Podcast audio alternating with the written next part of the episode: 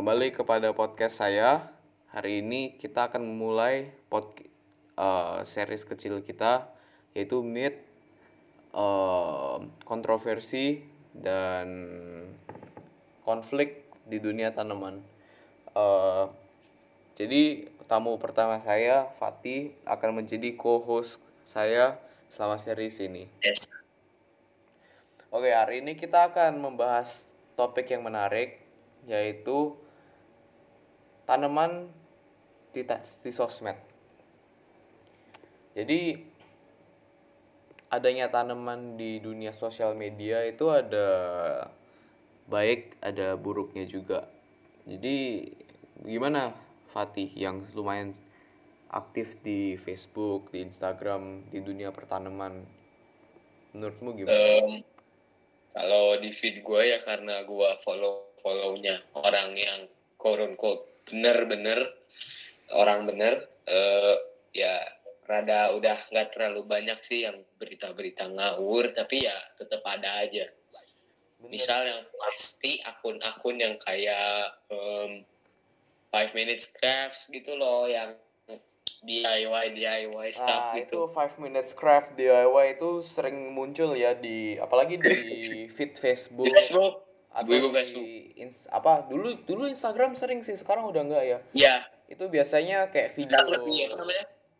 Uh, uh, apa namanya? Ketutup tutup sama yang parigata parigata sama yang uh, plant influencer yang modern plant eh plant influencer Nah iya, dulu sebelum ada plant influencer gitu, adanya five minutes craft ya yang nyoba nah, mengajarkan iya. kita yeah. cara menanam. Itu biasanya video singkat for those yang nggak tahu Five Minutes Craft yeah. apa itu video singkat yang biasanya bahas DIY top 10, atau gimana gitu terus uh, akhir-akhir ini sebenarnya dari tahun lalu sih mereka itu bikin video tentang pen cocok tanam gardening uh, yes. sebenarnya mulainya itu dari apa cara nanam sayur buah tapi lama-lama mereka ngajarin tips yang sebenarnya aneh-aneh kayak misalnya uh, cara nanam tomat dari potongan tomat gitu. Aduh nah, itu kayak macam tissue culture aja ya sebenarnya.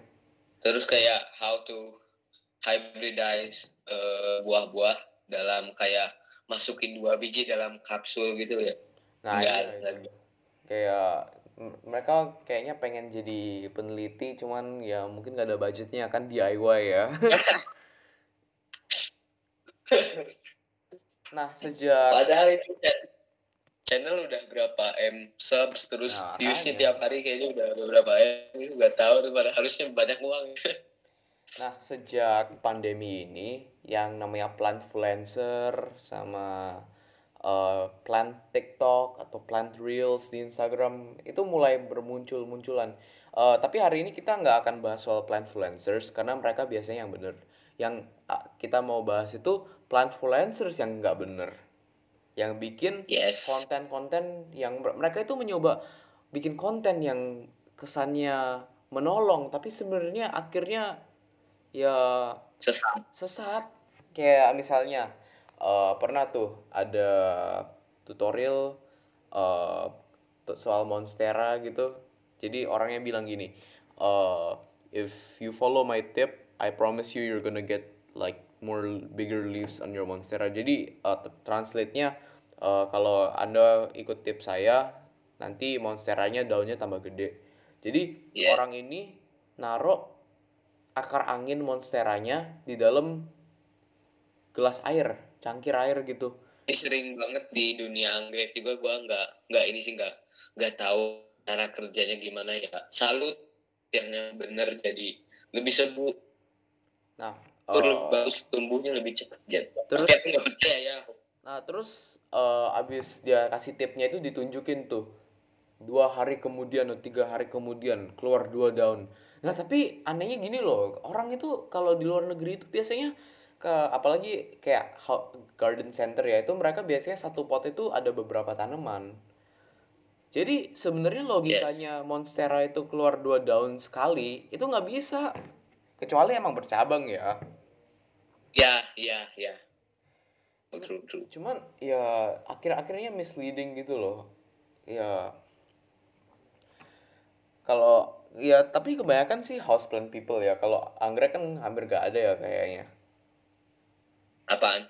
Kayak plant TikTok atau reels gitu. Ya yang kayaknya udah udah ada jarang sih. Bandingin banding sama aroid aroid atau yang houseplant people sih jauh ya ini sama houseplant people.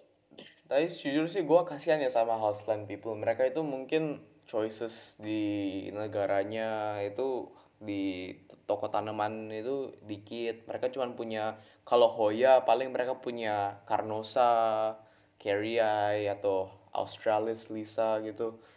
Akhirnya mereka taunya itu itu aja. Philo paling taunya Mycons terus Epiprenum taunya Potos doang. Kayak itu kalau di Indonesia kan itu kayaknya tanaman murah tanaman kayak apa ya? Yes. Tanaman pasar. tanaman kampung. Kampung nggak juga ya jujur. Tanaman yang low tanaman biasa lah tanaman biasa. tanaman biasa gitu loh.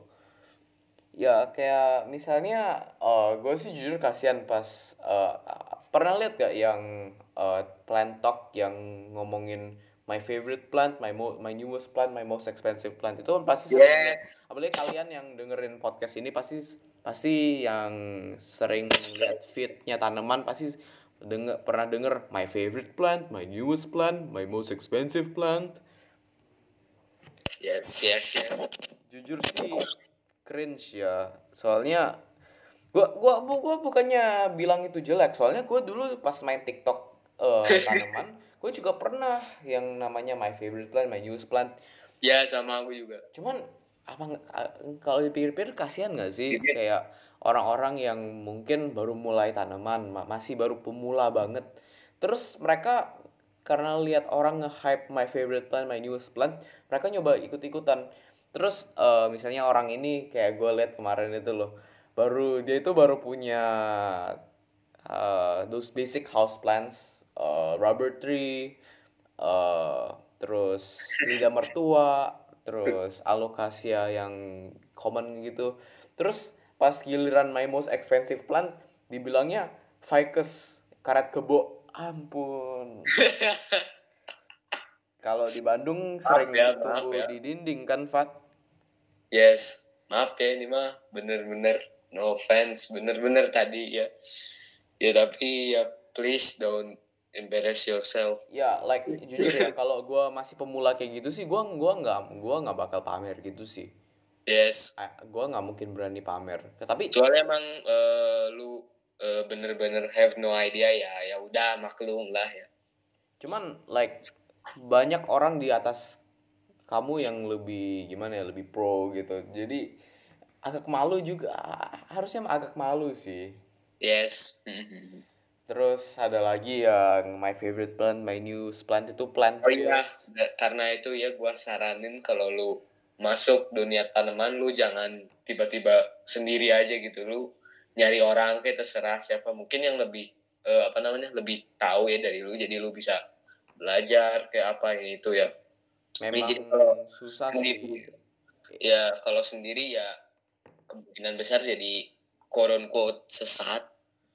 Ya, sebenarnya agak susah sih mungkin kayak apalagi for people yang introvert kan karena kan orang yes. orang tanaman itu kadang itu kayak agak introvert gitu loh kadang they prefer to be alone mereka yes. mending di rumah ngerawat tanaman mungkin itu susah buat mereka itu kayak cari temen tapi menurut gue ya kalau mau gampang itu berteman lah sama penjual tanaman ya ya itu ya. awal kalau udah ngerti nah. nanti lu ke penjual tanaman lagi lagi. atau enggak ya lu kalau emang gak mau berteman ya udah nanya aja gitu ya tanya apa? aja juga nggak apa-apa nggak harus sampai uh, deep bond friendship gitu ya bener bener gue juga dulu pas mulai tanaman gue juga jujur ya gue my first year punya tanaman gue nggak ada temen sama paling gue tahu gue gua paling kenalnya emak gue terus penjual tanaman langganan gue terus tukang air gue yang biasanya uh, apa benerin pipa atau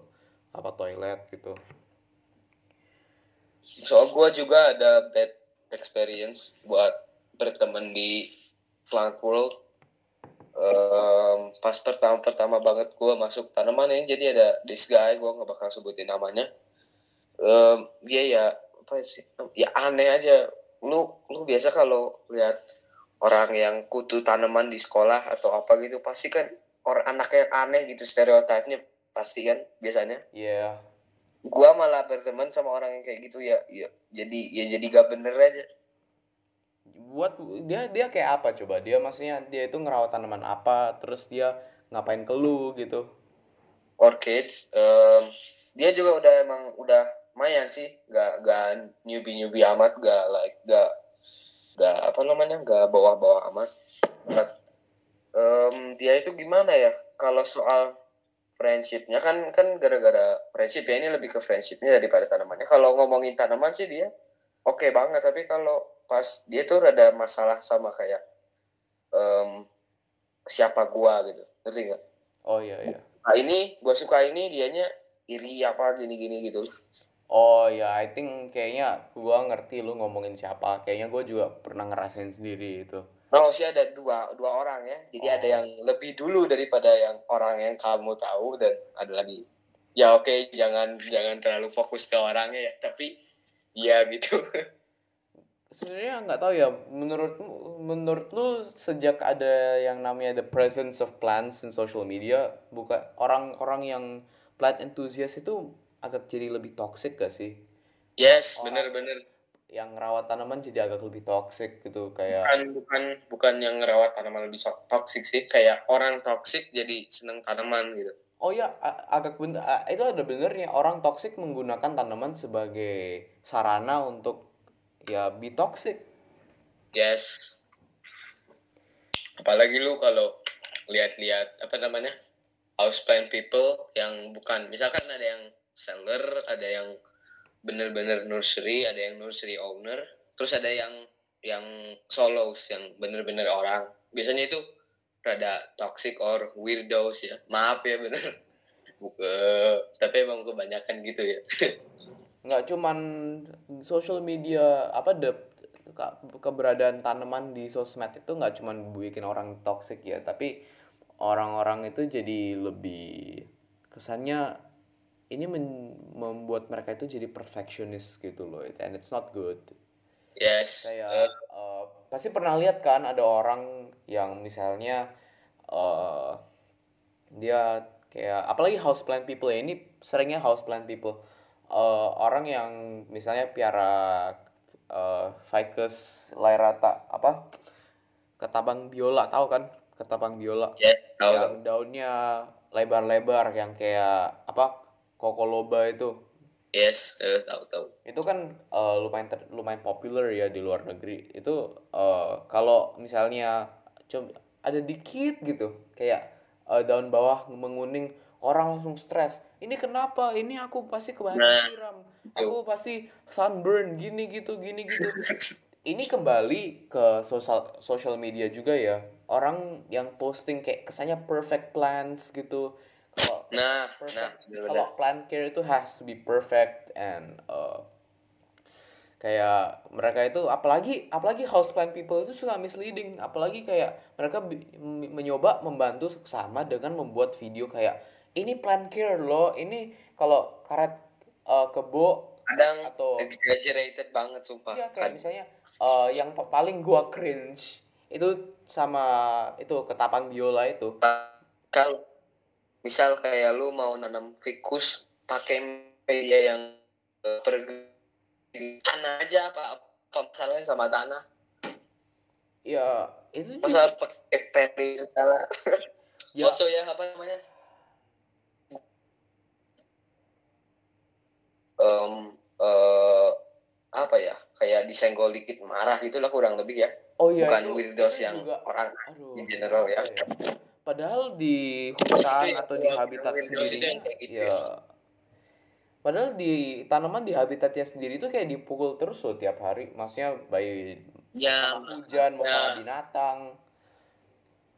Lu kalau kalau pergi ke store pasti daun mengkilat daun gak ada bolong. Tapi kalau lu pergi ke alam pasti tuh daunnya putih-putih kayak ada ada lumutnya ada Now, harganya. uh, back to my itu ketabang biola. As I was saying itu uh, ada video dari Australia. Sebenarnya bukan yang dia uh, yang dia uh, post tuh kayaknya bukan ketapang biola ya tapi semacam beringin juga. Kan kalau uh, ketapang biola itu kan termasuk beringin ya. Jadi yeah. this tutorial bilang uh, kalau kita goyang-goyangin uh, ficus tree-nya itu akarnya lebih kuat lebih uh, akarnya lebih apa ya lebih terangsang untuk tumbuh. Kayak jujur ya agak gimana nggak sih sebenarnya? Ya. terus ada karena video itu ada beberapa orang houseplant yang ngikutin juga sama ketapang biola mau sama karet kebo di goyang-goyangin goyang-goyangin gitu. Katanya stimulate wind juga. What the fuck? Goblok amat sih. Apalagi yang kayak gimana ya? Kan kalau uh, di Amerika kan lebih terang ya kayaknya. The sun is much brighter in there. Terus yeah.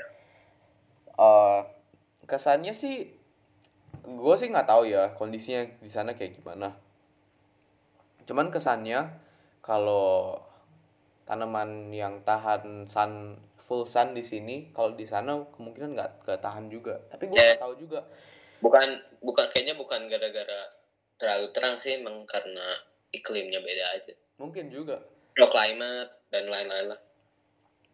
Cuman orang-orang yang gue mau bilang itu kayak bright indirect light. Itu kan kayaknya uh, very used terminology. Itu kan kata yang sering dipakai ya yeah, ya. yeah. people. Tapi bright indirect light itu apa sih sebenarnya?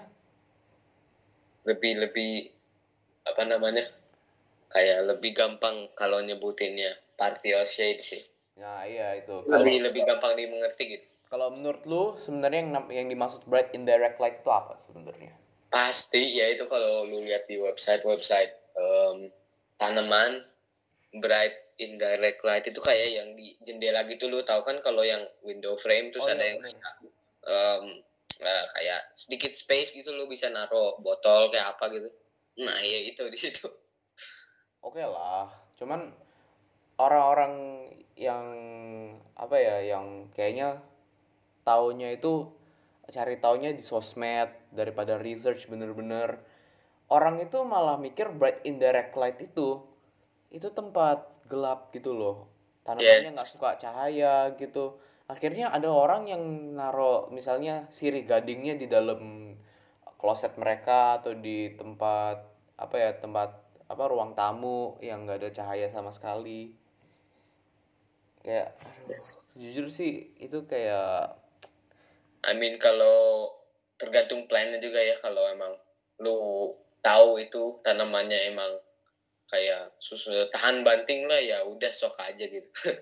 Oke okay lah kalau itu kayak apa ZZ plant tahu kan ZZ yes, plant ya ya and speaking of ZZ plant itu kayaknya tanaman yang too overrated gak sih? Apa ZZ ZZ plant.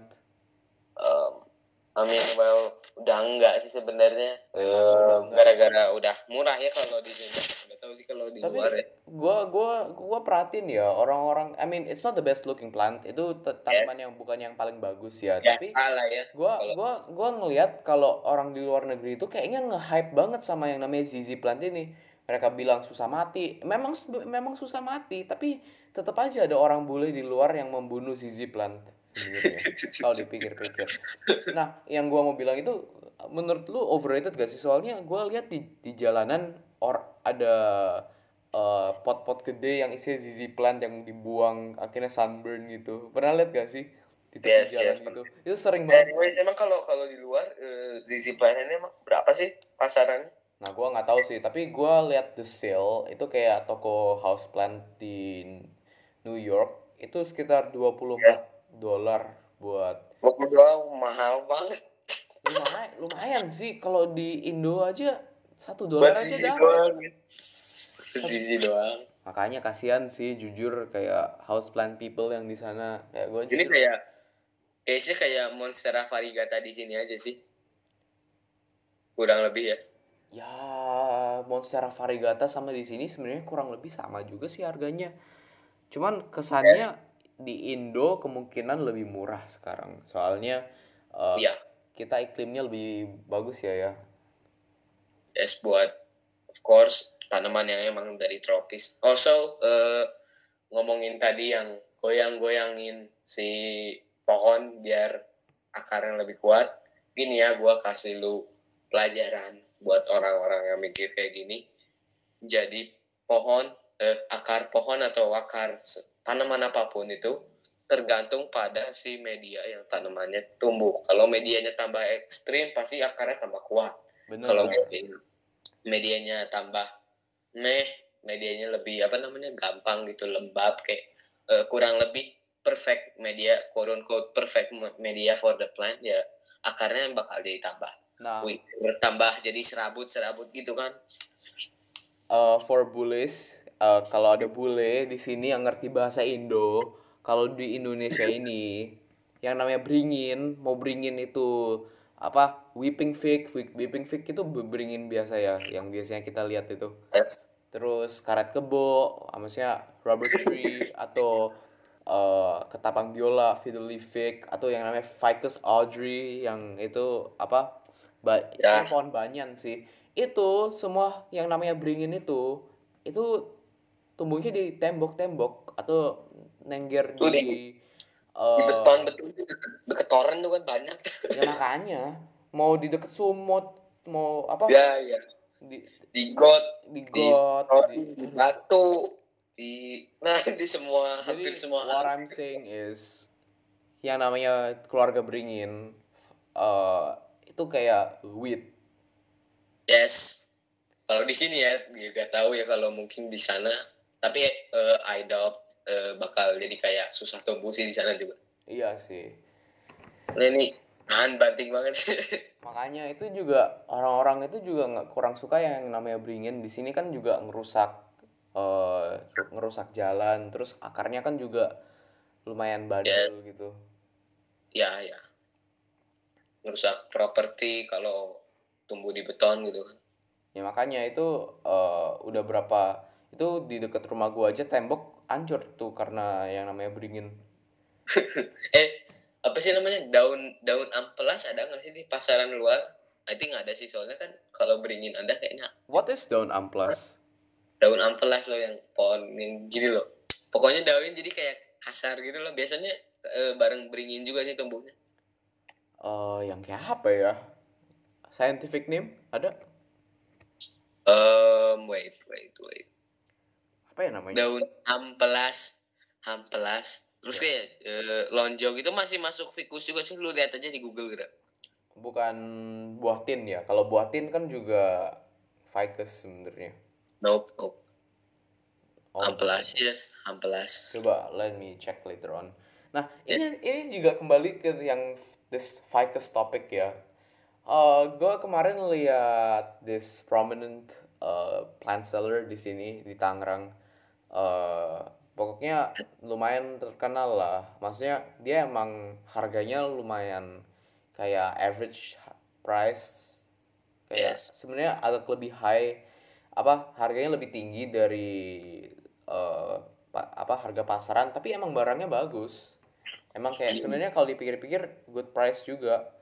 Nah uh, jadi penjual ini menjual Ficus Audrey harganya 200 atau 300 ribu atau 400 gitu. Masalahnya yang namanya Ficus Audrey ini gue sering lihat tumbuh di deket di tepi jalan. Nah nah nah. Ini ya lu lu terserah mau jual seberapa juga tapi please jangan apa namanya ya ngebodohin. ada jangan ada ada gitu. sadar diri juga ya. Ya. Ini ini juga sebenarnya berkat sosmed apalagi orang-orang di luar negeri yang kayaknya mamer ini ficus Audrey ficus Audrey padahal mereka nggak sadar di depan rumah mereka emang tumbuh ficus Audrey yang udah gede gitu nah ini juga ya gimana ya kalau orang Indonesia itu dari dulu itu melihat yang namanya orang bule itu lebih superior lebih tahu yes. sejak yang namanya zaman penjajahan penjajahan Belanda right. penjajahan Portugis penjajahan Spanyol itu mungkin mereka itu dulu memang mereka itu kaum yang ter apa ya terdiskriminasi sama yang namanya penjajah. Makanya mereka itu selalu melihat kaum kulit putih bule, bule. itu lebih gimana ya lebih hebat kesannya. Ya ini case nya sama aja kayak uh, beberapa morfofalus ya. Mungkin udah denger di podcast titanum titanum ya. oh itu benar itu, juga itu yang amorphophallus titanum itu sebenarnya yes. amorphophallus titanum itu barang banyak di Sumatera itu yes. ya uh, gua bahas bareng mak gua di podcast sebelumnya itu sebenarnya tumbuh di banyak di ladang orang terus warga-warga setempat juga sebenarnya kurang suka yang namanya uh, Amorphophallus titanum jadi ya gimana ya tapi gue bilang gini lu pada jangan nyoba jangan mulai nyoba iya jangan jangan nyoba ngambil gitu jangan nyoba uh, oh ini teman gue ada di deket sini loh dia punya Amorphophallus titanum ambilin jangan gitu jangan, juga jangan, sih jangan jangan maksud gue the apa media asing itu kadang kayak gimana ya kesannya salah pers persepsi gitu. Ya, buat di Indo ya. Iya. Kalau di luar memang Amorphophallus titanum itu langka. Itu yes. memang yes, lama yes. banget dari umbi itu sampai berbunga itu lama. Hmm, hmm, hmm, ya, jadi ya kayak gini lah misal lu punya barang barang apa ya barang kayak barang dari luar negeri yang gak diproduksi di Indonesia gitu sama aja gitu sama aja kayak barang di Indonesia yang nggak diproduksi di luar negeri gitu kesan gitu aja sama Rovalus Titano nah itu juga tuh yang namanya Epiprenum marble. Epi, eh, pernah denger Epiprenum Snow Queen sih lebih tepatnya. Itu kayak, gimana sebentar gua searching dulu. Ya, ya coba cek. Itu kayak siri gading yang coraknya itu kayak polka dot gitu loh coraknya. Apa namanya tadi? Epiprenum Snow Queen atau marble gitu. Let's see. Oh iya iya iya. Nah, ini spesial buat yang dengerin podcast gua. Ini gua bocorin sesuatu. Kayaknya gua nemu sesuatu yang agak sas. Jadi ada beberapa penjual tanaman yang di, di Indonesia yang jual yang namanya Epiprenum Snow Queen atau Marble. Kalau kalian perhatiin, itu sebenarnya juvenile formnya Epiprenum pinatum marble yang baru rilis kayaknya sekitar dua bulan atau sebulan lalu. Jadi nggak tahu ya kayaknya baru masuk pasaran Indonesia juga yang namanya Epiprenum pinatum marble. Itu kayak ekor naga tapi corak variegatanya itu kayak polkadot tricolor gitu. Per, pasti yeah. pernah lihat juga kan? Yes yes ya yeah, pernah. Intinya itu gimana ya? Kalau Epiprenum pinatum marble itu sekarang dihargain udah lebih dari 3 juta udah harganya lumayan lah ya. What? Tiga juta. Tiga juta lebih itu. Terakhir terakhir gua paling murah liatnya tiga juta sih. Tiga juta. Tiga juta beneran. Iya iya tiga juta. Nah apa namanya tadi? Epiprenum pinatum marble. Coba cek. Itu kayak ekor naga tapi variegatanya marble. Nah ma uh, intinya my point is kemungkinan kalau kalian teliti yang namanya ada beberapa Epiprenum Snow Queen atau marble yang seharga pasarannya 30 sampai 100 ribu. Yes. Itu sebenarnya juvenile formnya dari Epiprenum pinatum marble yang seharga 3 juta lebih. Eh, emang ini yang marble ini baru bener-bener 2021 atau 2020? Kemungkinan sih udah lebih dari dulu, cuman baru muncul-muncul di uh, Instagram planfluencer, penjual tanaman oh. dan lain-lainnya kalau di Indonesia ya. Baru baru barusan baru barusan banget sih keluarnya di sini. Kalau dari luar sih emang udah lama yang namanya Epiprenum pinatum marble itu udah lama sebenarnya. Beneran nih 3 juta bener. Bener, itu emang mahal Emang ini rare gitu benar-benar rare kayak apa namanya? Belum rare. emang Jadi, emang sebenarnya sekarang rare, bisa dibilang rare sebenarnya. Oh, ini bukan iya, kayak iya. masalah monstera yang uh, lumayan lah apa uh, lumayan terjaga supply-nya. Nah. Beda-beda. Mm-hmm, ya ini lagi masih masih masuk akal masih lah maksudnya ini juga belum or belum banyak orang tahu juga nah ini juga kita uh, back same uh, masih dalam topik tanaman mahal. Kita ngomongin orang-orang di luar uh, komunitas tanaman kita yang belum mengerti soal tanaman. Apalagi media berita seperti CNN atau apa ya you name it apa coba berita apa lagi itu. Yang ser TV. Yang sering munculin berita soal tanaman 100 juta atau 200 ya, juta gitu -gitu. itu gimana ya agak uh, itu agak misleading juga orang nah. yang nggak ngerti tanaman bilang ini nggak masuk akal malah mereka itu mulai nge-hate komunitas tanaman karena miskonsepsi ini. Kenapa yang namanya janbol 10 juta? Kenapa yang namanya janbol 20 juta? Padahal janbol sebenarnya 30 30 ribu aja dapat. Minta sama tetangga aja paling dikasih. Decent yang nah 30 juta 20 juta itu namanya monster obliqua atau kalau yang atau kalau gua bilang janda robek ya benar benar itu emang itu di alamnya saja kayaknya kemungkinan sudah punah sekarang kebanyakan Dan populasinya alatnya emang susah juga memang itu termasuk tanaman rewel yang membutuhkan kelembapan tinggi. Nah ini ini serius ya, ini bukan kita ini bukannya kita bikin apa? Overrated, kayak apa namanya exaggerated. Tapi memang banyak orang bilang begitu. Emang emang banyak sih sebenarnya yang bener-bener kan. Populasi obliqua aja sekarang kebanyakan di tangan kolektor, di tangan plant enthusiast. Tapi pernah nggak sih punya uh, lu kan pasti punya yang namanya rare plant ya apalagi kita kan udah dua tahun jadi wajar lah kita punya tanaman langka ya kan? Atau yang agak lebih ma agak mahal.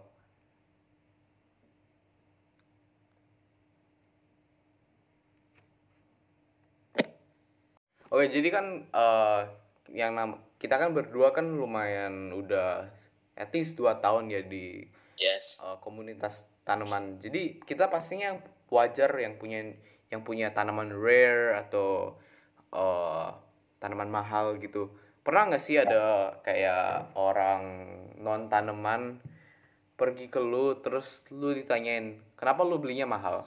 Kenapa? Gak wajar lah tanaman kan sepuluh ribu aja dapet di tepi jalan aja dapet rumput liar aja dapet. Sebenarnya dikit sih yang nanya kayak gitu lebih banyak yang nanya tanaman mahal itu kayak gimana.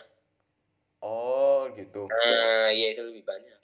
Kayak pengen nyari tanaman sultan kayak gimana. Lebih banyak yang nanya kayak gitu sih dibanding yang kayak um, nanya lu kok beli ini? Kenapa beli ini? Gitu lebih banyak. Beda yang... ya beda ya kalau orang di sana uh, kalau orang apalagi kalau ibu-ibu maaf ya ibu-ibu anggrek yang di grup-grup Facebook itu lebih banyak yang kayak nyari tanaman sultan. Ini tanaman yang mahal itu apa aja ya? Gak ngerti itu fungsinya buat apa kok gak ngerti. Gue juga kurang tahu ya itu ibu-ibu anggrek pak gue jamin mereka itu cuman kepengen nyari kayak anggrek hitam Papua. Nah. Nah itu kalau hoax itu mungkin kita bahas dalam podcast selanjutnya ya hoax yes. eh tapi kita bahas sekarang juga nggak apa-apa soalnya itu masih termasuk yang namanya social media influence nah, terhadap yaudah. tanaman. Let's go, let's go. Jadi, uh, coba Fatih yang lumayan lebih ngerti anggrek, coba jelasin yang namanya anggrek hitam Papua itu apa sebenarnya? Itu Papua itu ada sih ada. Anggrek hitam Papua bulbophyllum tentaculiferum bulbophyllum section monanthes nah itu yang bener ya anggrek Papua. Nah, anggrek hitam Papua yang itu bener. banyak loh anggrek hitam itu banyak sih. Nggak nggak nggak selangka yang dibilang ya. Tapi yang biasanya di media anggrek hitam Papua itu yang Cymbidium kiwi midnight itu aku nggak tahu apaan itu bener-bener ada atau enggaknya. Nggak tahu oh mungkin itu asli itu asli But, tapi foto yang biasa dipakai itu kayaknya itu bukan Kiwi Midnight beneran deh.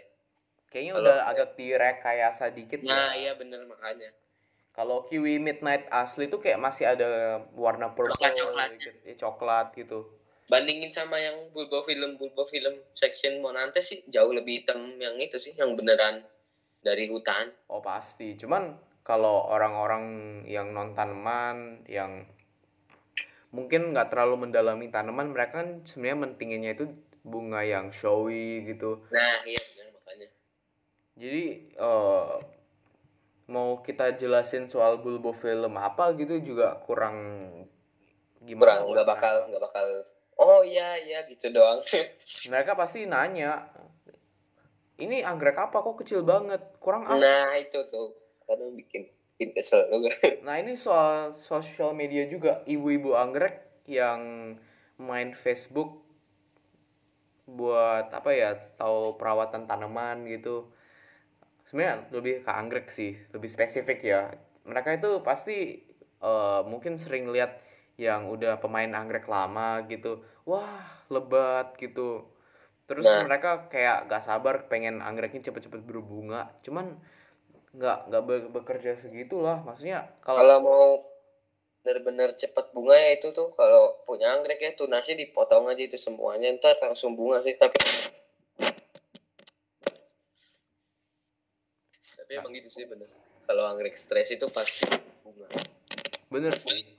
Atau kalau beneran mau cepet berbunga ya beli anggrek yang emang rajin berbunga nature-nya. Emang alamnya nah, cepet bener, bener. berbunga kayak anggrek merpati atau gimana? Tapi ya tetap aja kalau kamu uh, lu gak tahu apa namanya lu gak tahu cara rawatnya ya gak akan gak akan berbunga.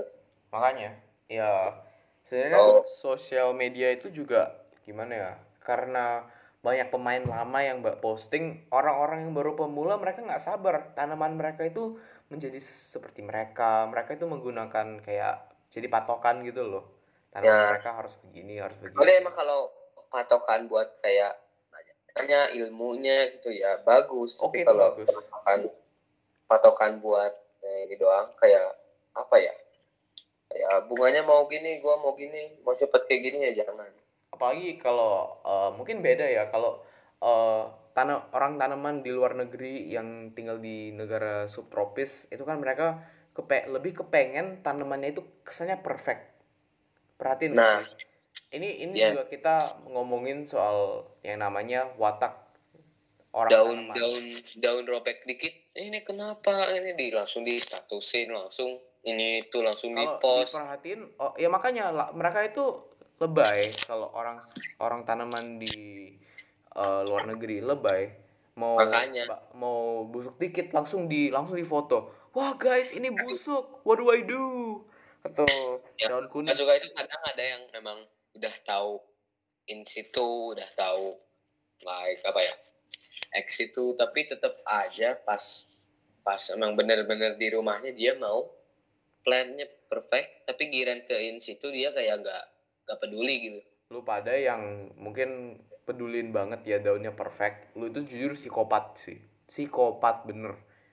Lu itu nah, kalau emang. Demand perfection gitu wah lu gak bener sama sekali jujur. Gak bener sama sekali. Nah uh, kembali ke yang itu kalau uh, kalau orang tanaman di luar negeri itu kan mereka kepin lebih ke lebih perfect plants gitu ya. Mungkin yes. karena ini juga faktor iklim mereka kurang cocok. Kalau di negara tropis seperti Indonesia mereka lebih kepengen tanamannya itu cepet gede nah bener bener. Bener gak? Makanya di sosmed mereka nanya ini metan bagus buat buat arot buat uh, keladi saya apa? Pupuk gak bagus? ada yang namanya metan bagus metan jelek itu nggak ada. Ap, apa daun ben, da, apa biar daunnya cepet gede pakai apa? Jujur ya uh, or mungkin mungkin pupuk agak membantu cuman yes. simply pupuk juga nggak nggak gimana. Lu kalau misalnya cuman pupuk pupuk tapi lu nggak lu nggak uh, lu nggak terlalu rawat tanamannya tanaman nah makanya itu masalahnya. Sama seperti anak. Lu misalnya lu punya anak terus lu belinya lu lu cuman kerjanya itu kayak apa ya beliin beliin whatever tanah apa anaknya kepengen kayak saya mainan gitu. Tapi lu nggak kasih kasih sayang itu sama aja. Kayak lu uh, cuman pupuk tanaman tapi lu nggak rawat bener bener bener facts facts facts. Nah uh, orang-orang itu yang nggak sabar mereka itu akhirnya they will end up hating plants. Mereka akhirnya membenci tanaman. Karena uh, mereka itu saking nggak sabar mereka akhirnya mungkin salah perawatan mereka terlalu sayang sampai kayaknya siram terus akhirnya kebasahan terus mereka pupuk terus akhirnya gosong dan yang aneh itu ada beberapa yang malah nyalahin sellernya. Oh itu apalagi denger dengar di komunitas di komunitas anggrek itu banyak. Serah lu mau mau gak suka tanaman ya udah peduli amat. Tapi kalau lu malah nge-hate sellernya jadi buat nama jelek buat sellernya itu udah messed up ya. Gua udah bener-bener sebelum dunia sebenarnya mungkin ya yang sebenarnya nggak sabaran apa uh, watak gak sabaran itu sebenarnya mungkin udah lama ya udah tertanam ya. di orang-orang sejak dulu kala sebelum yang namanya sosmed apalagi zaman dulu ya ini mungkin karena faktor dulu nggak terlalu ada pupuk yang mungkin uh, yang pupuk yang kompleks, yang bagus atau mungkin belum terlalu ada yang namanya ilmu campuran metan. Orang itu dulu itu ya nanamnya itu tanah, tanah, tanah, tanah, tanah semuanya. Makanya apalagi orang-orang tua, orang-orang yang kurang ngerti tanaman, kalau mereka ke ke orang tanaman terus lihat-lihat tanaman, mereka pasti kayak ngomong ini harus segera diganti pot loh. Atau mereka nyoba ngasih advice atau saran ini pindahin ke pot yang lebih gede biar cepet rimbun biar cepet gede daunnya lebih subur. Tapi kalau pot gede itu gua gua gua ngomongnya tegas ya pot gede itu tidak akan membantu percepatan nah. tanaman kalau lu emang kepengen yes. akarnya menjalar ke mana-mana lu tanah aja tapi itu nggak semua tanaman juga sukanya tanah nah nah kayak uh, yang kalau pot gede itu malah menyebabkan masalah misalnya uh, kebanyakan media airnya uh, tersimpan lebih banyak ya. Uh, jadi kayak apa waterlogged ya jadi ya gitu. Ya makanya terus uh, orang yang nggak ngerti akhirnya nyalain mereka kebanyakan nyiram medianya salah gitu. Padahal it's, itu potnya doang. Itu milih potnya salah. Makanya gitu. Please do research research dikit aja. Quick. Gak, gak harus sampai gak harus mendalami sampai tahu spesies semua tapi tahulah perawatan yang tanaman nah iya perawatan terus uh, itu uh, pot gede itu juga mengundang hama lebih banyak yes yes, yes karena kan yes. lebih banyak space ya lebih banyak tempat untuk hama itu berkembang biak untuk lebih untuk apa ya buat ya banyak banyak nutrisi lah banyak makanan buat yang iya. namanya ya. hama ini aku itu apa namanya rada rada apa ya rada kesel aja sama orang yang kayak gini loh kalau lu ngambil anggrek dari pohon terus nanya ini media yang bagusnya apa? Nggak pernah nggak akan pernah ada yang bilang kayu jarang banget kenapa gitu? Kalau ngambil anggrek dari pohon itu jelas-jelas dari kayu. Ya iyalah. Cuman terus kenapa nanya lagi lagi? Kenapa nanya lagi? Ngapain aja? Ya udah tanam aja di kayu susah amat. Makanya harusnya orang itu ini makanya kayak orang mau nggak suka research atau nggak suka research kalau di dalam dunia pertanaman harus cari tahu. Karena lihat lu jelas udah nyabut dari pohon lu udah lihat dia itu sebenarnya tinggalnya cocoknya gimana. Nah benar-benar makanya kayak, lu lu nggak gua nggak peduli lu emang nggak suka yang namanya membaca lu nggak terlalu suka yang namanya browsing gua nggak peduli. Cuman lu harus cari tahu. Kalau lu emang suka tanaman lu harus cari tahu.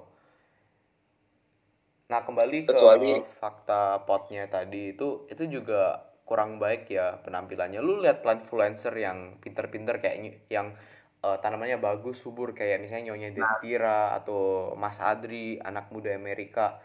Itu kan lu perhatiin mereka itu ngerawat tanaman kan potnya nggak gede-gede. Mereka por proporsional atau potnya emang kecil.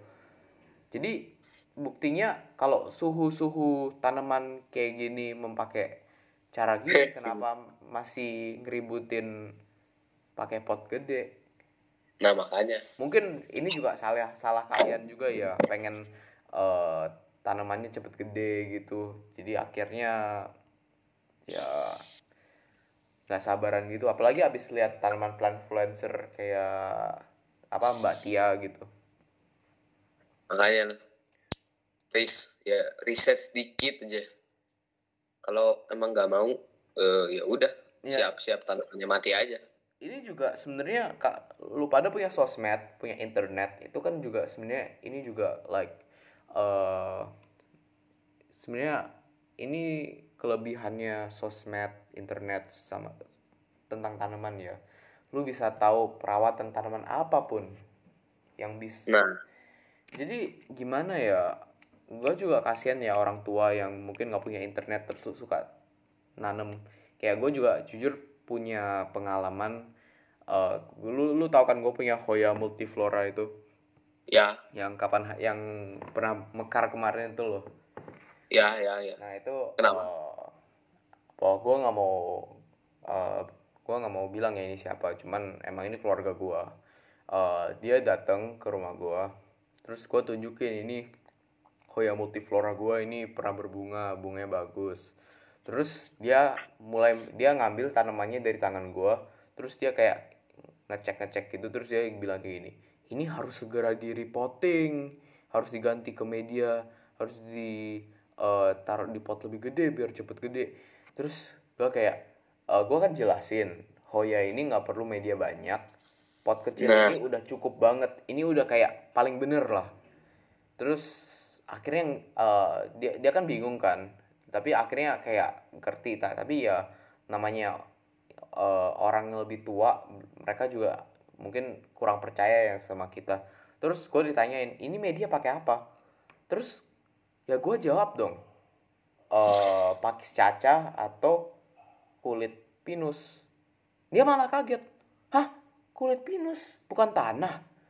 Ya, ya gimana ya? Gue juga, juga, harus nahan emosi, harus nahan ego, nahan, nahan ego. Kuno banget ini, kuno banget ini. Karena zaman beliau itu emang nanem-nanem itu cuman pakai tanah.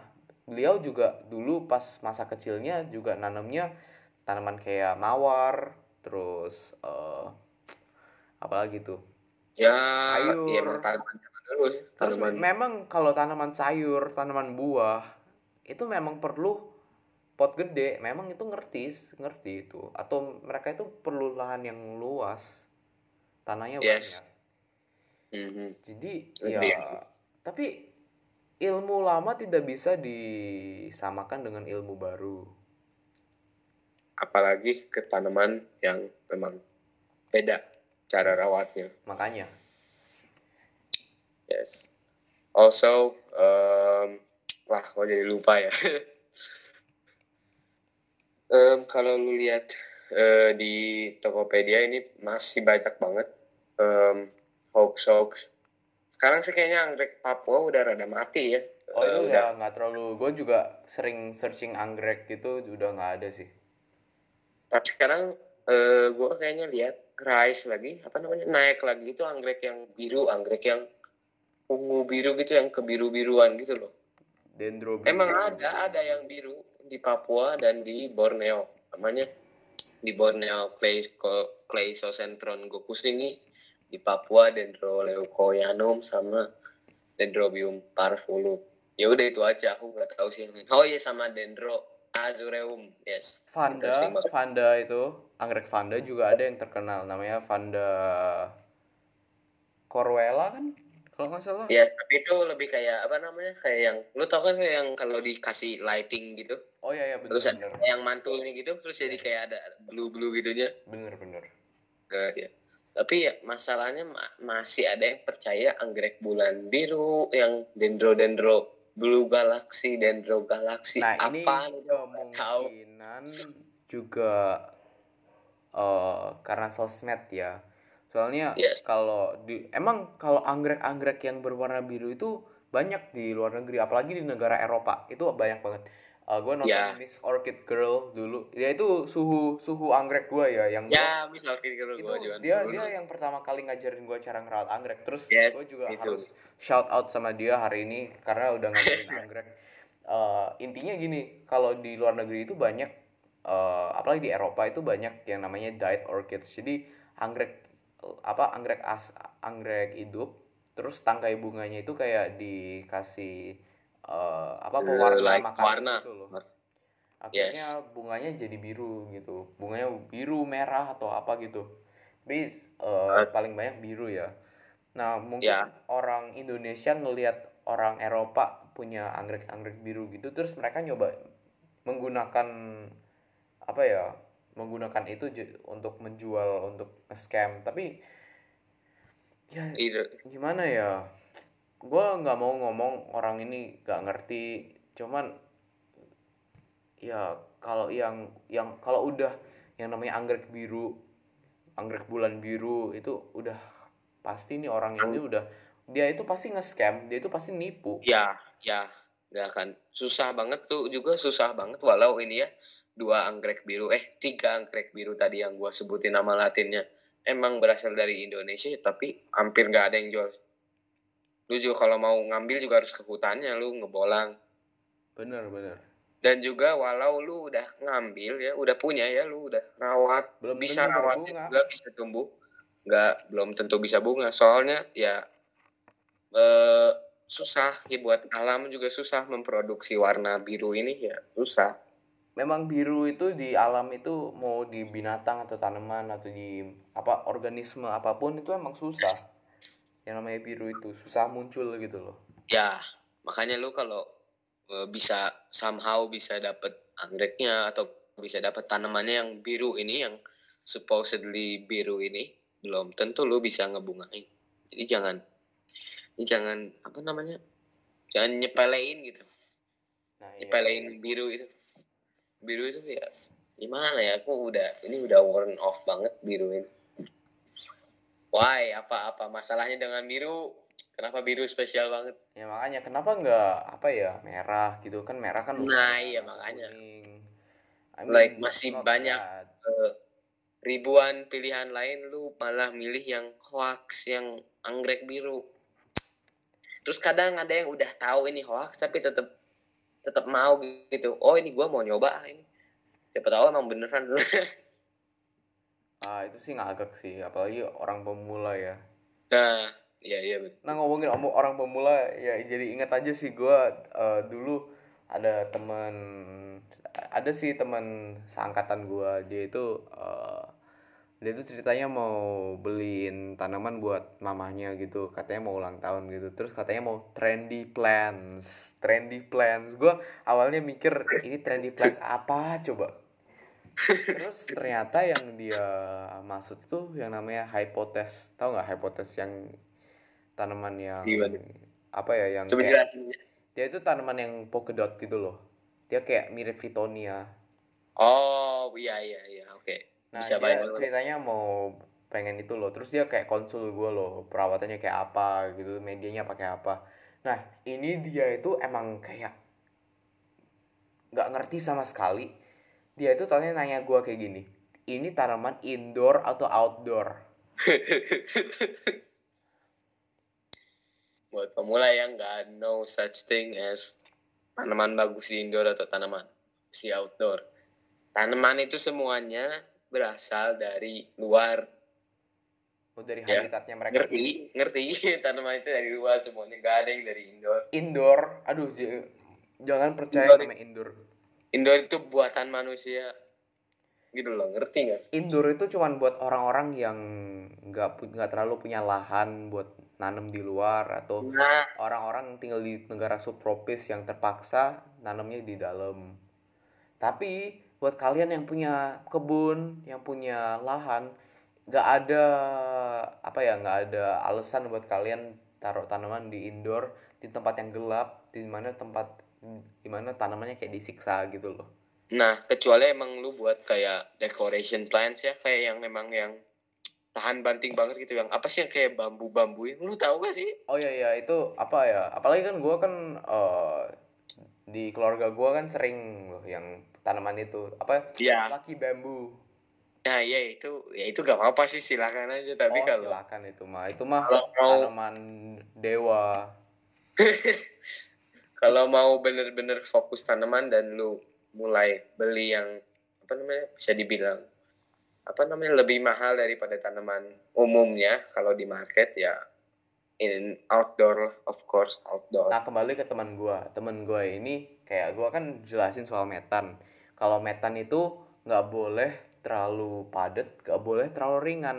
Gue gua gua bahasnya soal itu ya. Kan dia maunya hipotes kan. Jadi gue gua bilang lu butuh media yang kayak gue gua pengen bilang gue lu butuh media yang well draining apa nggak terlalu banyak nyimpen air tapi dia juga nyimpen ah. air. Nah gua kan lembab kan, lembab tapi nggak nyimpen air. Nah uh, dia kan nanya what's the dia nanya what's the best soil? Kan ya jujur sih udah udah ketahuan ya dari pertanyaan dia itu kalau dia itu nggak ngerti. Ya soil soil soil kita kita tanam yang namanya ta orang tanaman nggak ada yang namanya soil. Adanya potting medium atau potting mix nah, atau yes. soil mix. Nah yes, uh, yes. gua gua jelas ter, ter kan lu jelasin kalau lu misalnya pakai media padat lu nyiramnya lebih dikit. Gua kan cuma jelasin gitu. Terus dia bilang oh ya udah gua pakai media padat aja ya ampun ya ampun. Terus gue kan nanya lah kenapa? Gue media padat kan nggak bagus. Terus dia bilang oh ya karena gue takut gue lupa nyiram. Maaf ya mbak. Kalau lu itu kepengen piara tanaman lu itu harus dedikasi. Maksudnya lu harus ngeluangin waktu semenit aja buat nyiram. Jangan nah. lu kayak kasih alasan lu lupa lu lupa lu lupa lu lupa. Kecuali emang lu beli tanaman floaters yang di air itu ya udah sok aja itu. Ya udah cuma yang yang tadi yang bambu-bambu itu ya nggak apa-apa. Ya makanya terus uh, gua gua gua masih tentang soil mix. Gua gua kan fotoin tuh aroid mix yang gua pakai buat aroid aroid gua itu loh yang isinya pine bark andam pakis caca yes. terus itu kan andam itu kan bentuknya kan kayak apa ya uh, bunder-bunder gitu kan bunder-bunder yes. kayak batang-batang kecil gitu. Terus dia nanya kayak gini ke gue itu serpian wortel ya anjay anjay aduh. Ya lu bayangin deh lu udah di lu udah suka tanaman selama tiga tahun dua tahun. Terus lu ditanyain ini sama orang pemula yang pengen masuk tanaman. Ya I mean, ya lu, lu pada yang pemula jangan takut bertanya ke kita. Tapi ya. Ini a quick Google search juga bisa lu iya makanya. Kayak lu pada kalau nanya juga jangan terlalu apa ya? Terlalu kayak dependent banget. Iya terus um, akhirnya gue kan cerita sama dia gue baru uh, eh, gue baru beli filogigas gitu loh. Terus dia nanya kayak gini emang spesialnya tanaman itu apa? Kok ma kok mahal terus kan ya udah gue jelasin ini tanaman ini dari negara ini bisa daunnya gede dibanding filo-filo yang lain. Terus dia nanya gini ya udah kalau udah gede lu mau taruh mana? Ya kalau udah gede ya gue kasih lah atau gue tanam di mana lah. Emang emang mikir amat emang, berapa emang, tahun lagi gede? emang filo emang filo ini bisa langsung gede dalam setahun? Enggak juga kan? gigas itu paling se seminggu dua seminggu sebulan dua daun. Tapi salut ke dia ya dia nggak dia nggak mau matiin topik soalnya. Eh salut ke gua juga ya gua udah sabar ya sama itu uh, abis yang itu kebetulan temen gua si Jason dia itu jual shout out to Jason. Dia ya shout out to Orchid Saurus dia kebetulan jual hypotes. Ya udah gue share dong ke temen gue nih. Temen gue jual. Dua puluh ribu doang. Kayak kalau nggak salah dua puluh ribu doang ya kemarin. Terus temen gue kayak gini hah itu nggak mati dari Bogor? Itu kan jauh banget. Ya ampun mbak. Mbak gue paling jauh dari Kalimantan dari dari deket Singapura lagi. Dari dari Batam itu paling jauh gue tanaman itu kuat kan? tanaman itu nggak kayak lu lemah gitu. Ya. Yang disindir ya, dikit lemah yang dan kuat di... dalam waktu yang bersamaan sih tergantung kayak gimana kondisi memang ini juga ter, tergantung apa ya jenis tanaman juga ya. Cuman akhirnya uh, dia bilangnya dia mau beli cuman akhirnya dia nggak beli juga. Jadi gue gak enak dong sama Jason sebenarnya. Gue gue jadi nggak enak sama dia dong udah gua udah gua promosi produknya tapi orang nggak mau beli. Ya gak gue jujur sih sama sekarang gak ironik ironik banget. Terus akhirnya uh, dia bilang dia pengen sebenarnya intinya dia bilang dia itu pengen beli tanaman yang warna pink buat mamanya ya udah gue fotoin dong tanaman gue terus gue itu punya aglonema yang yes. umurnya tiga tahun yang namanya aglonema cochin eh ya namanya cochin ya aglonema yang pink pink itu lah ya. Iya terus dia nanya itu tanaman apa gue jelas ini aglonema cochin terus uh, dia nanya gue eh tapi sebelum itu gue nawarin lu mau nggak singonium pink gue soalnya gue gua kan gampang dong perbanyaknya itu namanya singonium ya. doang ya. Gue nanya lu mau nggak singonium pink gue terus gue gue bilang gue kasih aja ke lu lu gue gue banyak kok punya indukannya segala. Terus dia bilang oh nggak usah nggak usah nggak usah.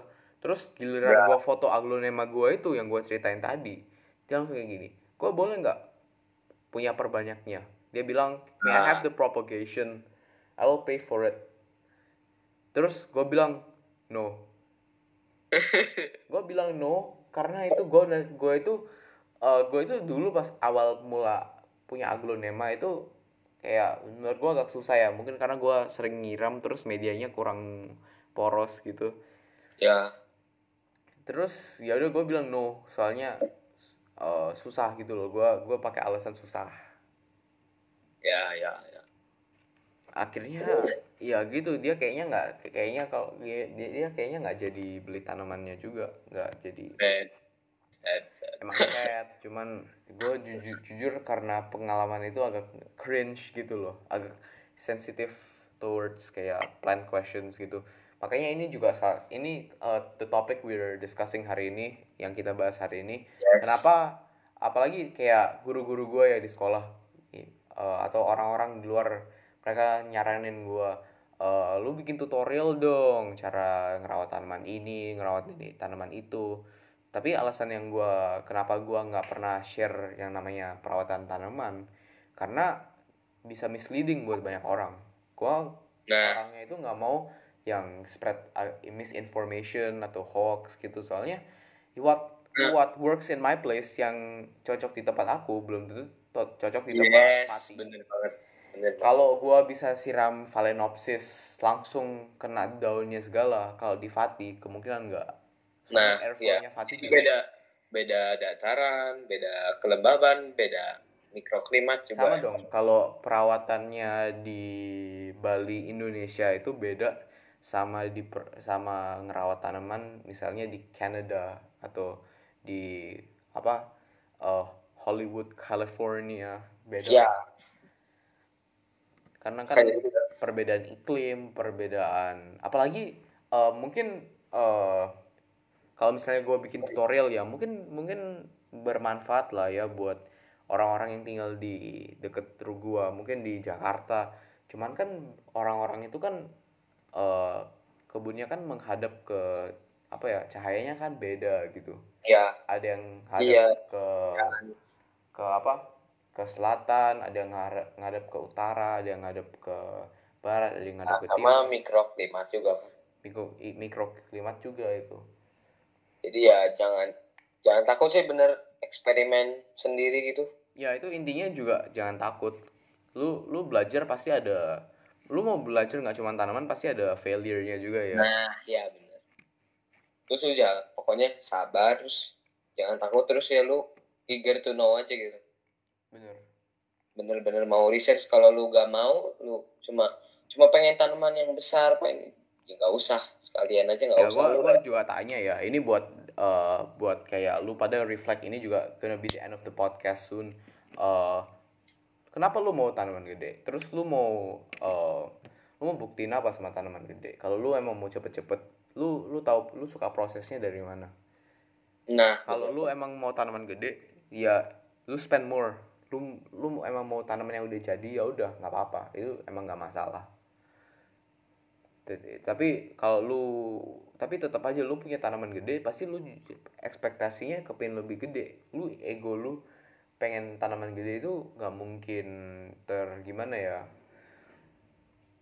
ter apa ternapsukan sampai apa ya sampai lu ngerti proses tanaman tumbuh gitu. Jadi ya kalau lu cuma pengen tanaman gede tanpa like gak suka prosesnya lu nggak mau prosesnya lu nggak mau nggak mau tahu cara ngerawatnya nggak mau ngerawat ya gak usah. Mending tanaman plastik aja lu yang penting beli beli di IKEA atau di iya kan murah kan? itu murah gak usah disiram ditaruh di ruang tamu yang gelap juga nggak apa-apa. Terus uh, di sosmed terus lu nggak usah lihat sosmed gitu loh. Maksudnya lu punya tanaman plastik lu nggak usah mikirin orang bakal gimana ya ributin lu gitu. Ya tanaman lu perfect terus kok. Gak usah sampai anxiety gitu. Nah ya makanya ini juga ini juga agak bingungin gue kalau orang itu bilang why plant social media? Kenapa uh, media sosial tentang tanaman itu bisa efek mental health? Itu gue itu gue nggak setuju. Soalnya uh, semua semua juga pasti ada gitunya sih.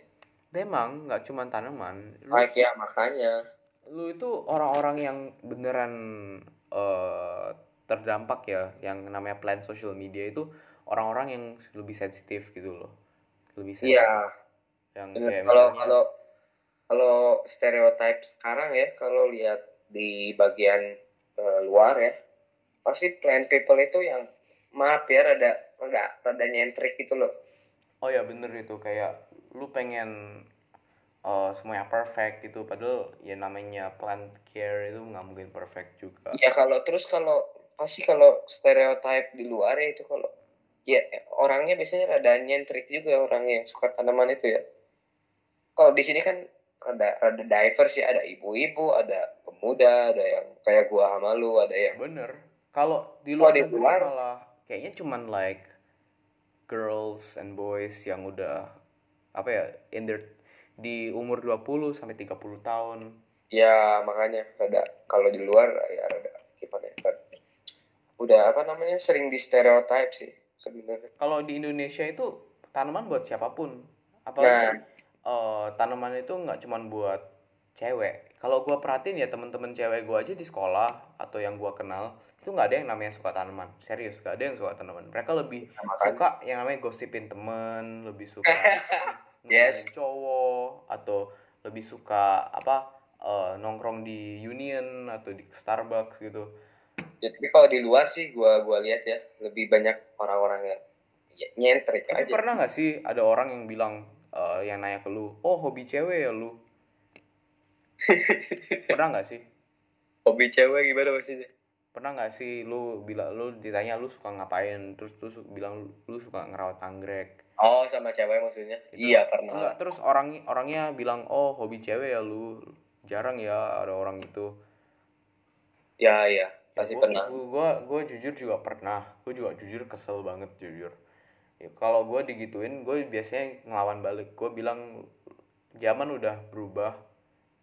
Cewek-cewek zaman sekarang itu nggak ada yang suka tanaman. Ya ada nah, ada ada ada. Cuman ada ya ada tapi kalau di keseluruhan keseluruhan sebenarnya lebih banyak cowok yang suka tanaman sekarang. Iya benar banget. Kayak gue juga gua, kadang gue gak bermaksud kayak ngomong kalau apa tanaman itu cuma buat cowok. Kayak yes, seakan-akan yeah. bilang robot buat cowok terus Barbie itu buat cewek. Bukan kayak gitu juga. Yes. Jadi ya sebenarnya gue rada malu sih sebenarnya kalau ditanya orang ya. Apa namanya? Hobi gue apa terus oh, kalau gue jawab anggrek pasti ada pasti satu atau dua orang ada yang kayak disbelief gitu loh rada gue juga gue apa lu fanboy? Gue juga malu apalagi kalau gue di sekolah gue juga biasanya bilang gue gue suka main game. Emang gue suka main game emang bener itu bener. Atau gue bilang gue suka nonton anime gitu. Ya. Daripada gue expose gue suka tanaman Cuman ada, memang ada beberapa kali temen gue itu yang dari sekolah itu emang they found out about my account. Terus mereka cuma ngeliat storynya doang. Terus emang ada beberapa temen gue juga yang follow IG gue ya udah nggak apa-apa lah ya. Maksudnya gue jujur emang tadinya gue nggak mau temen-temen gue tahu yang adanya keberadaan Flora Aesthetics cuman akhirnya mereka tahu ya udah follow aja. Gue juga jujur gak gak terlalu suka ngomongin juga sama teman-teman gue gitu. Sama sama gue juga sih. Gue biasanya ngomongin yang lain yang mereka ngomongin gitu tapi soal tanaman no man not talking about it. It's too private. Yes sama. Oh ya yeah, probably that's it ya. Yeah? I guess that's it. I mean ya yeah, kita udah ngobrol lumayan lama lebih lama dari podcast podcast sebelumnya. Cuman uh, ini juga topik yang lumayan menarik ya. Gimana yeah, yeah. lebih kayak kita ngomongin pengaruh sosmed uh, dengan keberadaan tanaman gimana uh, yang namanya plant social media atau uh, gimana ya plant TikTok plant reels gitu itu mempengaruhi kita. Also ya makasih banget buat lu pada yang udah nonton sampai sini. Berarti lu lu gak males denger. Nah iya. Udah uh, berapa ini? Udah berapa lama ini? Udah lama banget uh, jadi uh, ini juga pengumuman dikit. Fatih akan menjadi co-host gua dalam series Myth, Truth, and Controversy uh, tanaman yang gua bakal upload tiap minggu. Mm. jadi topik selanjutnya itu belum tahu lah tapi surprise nanti. Yes. Course jangan dikasih tahu lah jangan dikasih tahu jangan lah. Uh, cuman kita akan membahas di series ini tentang ya ya apa namanya seputaran itulah ya. Seputaran drama terus kontroversi terus mitos-mitos. Yes. Uh, seputar tanaman gitu. Jadi uh, sekilas buat podcast hari ini. Sampai jumpa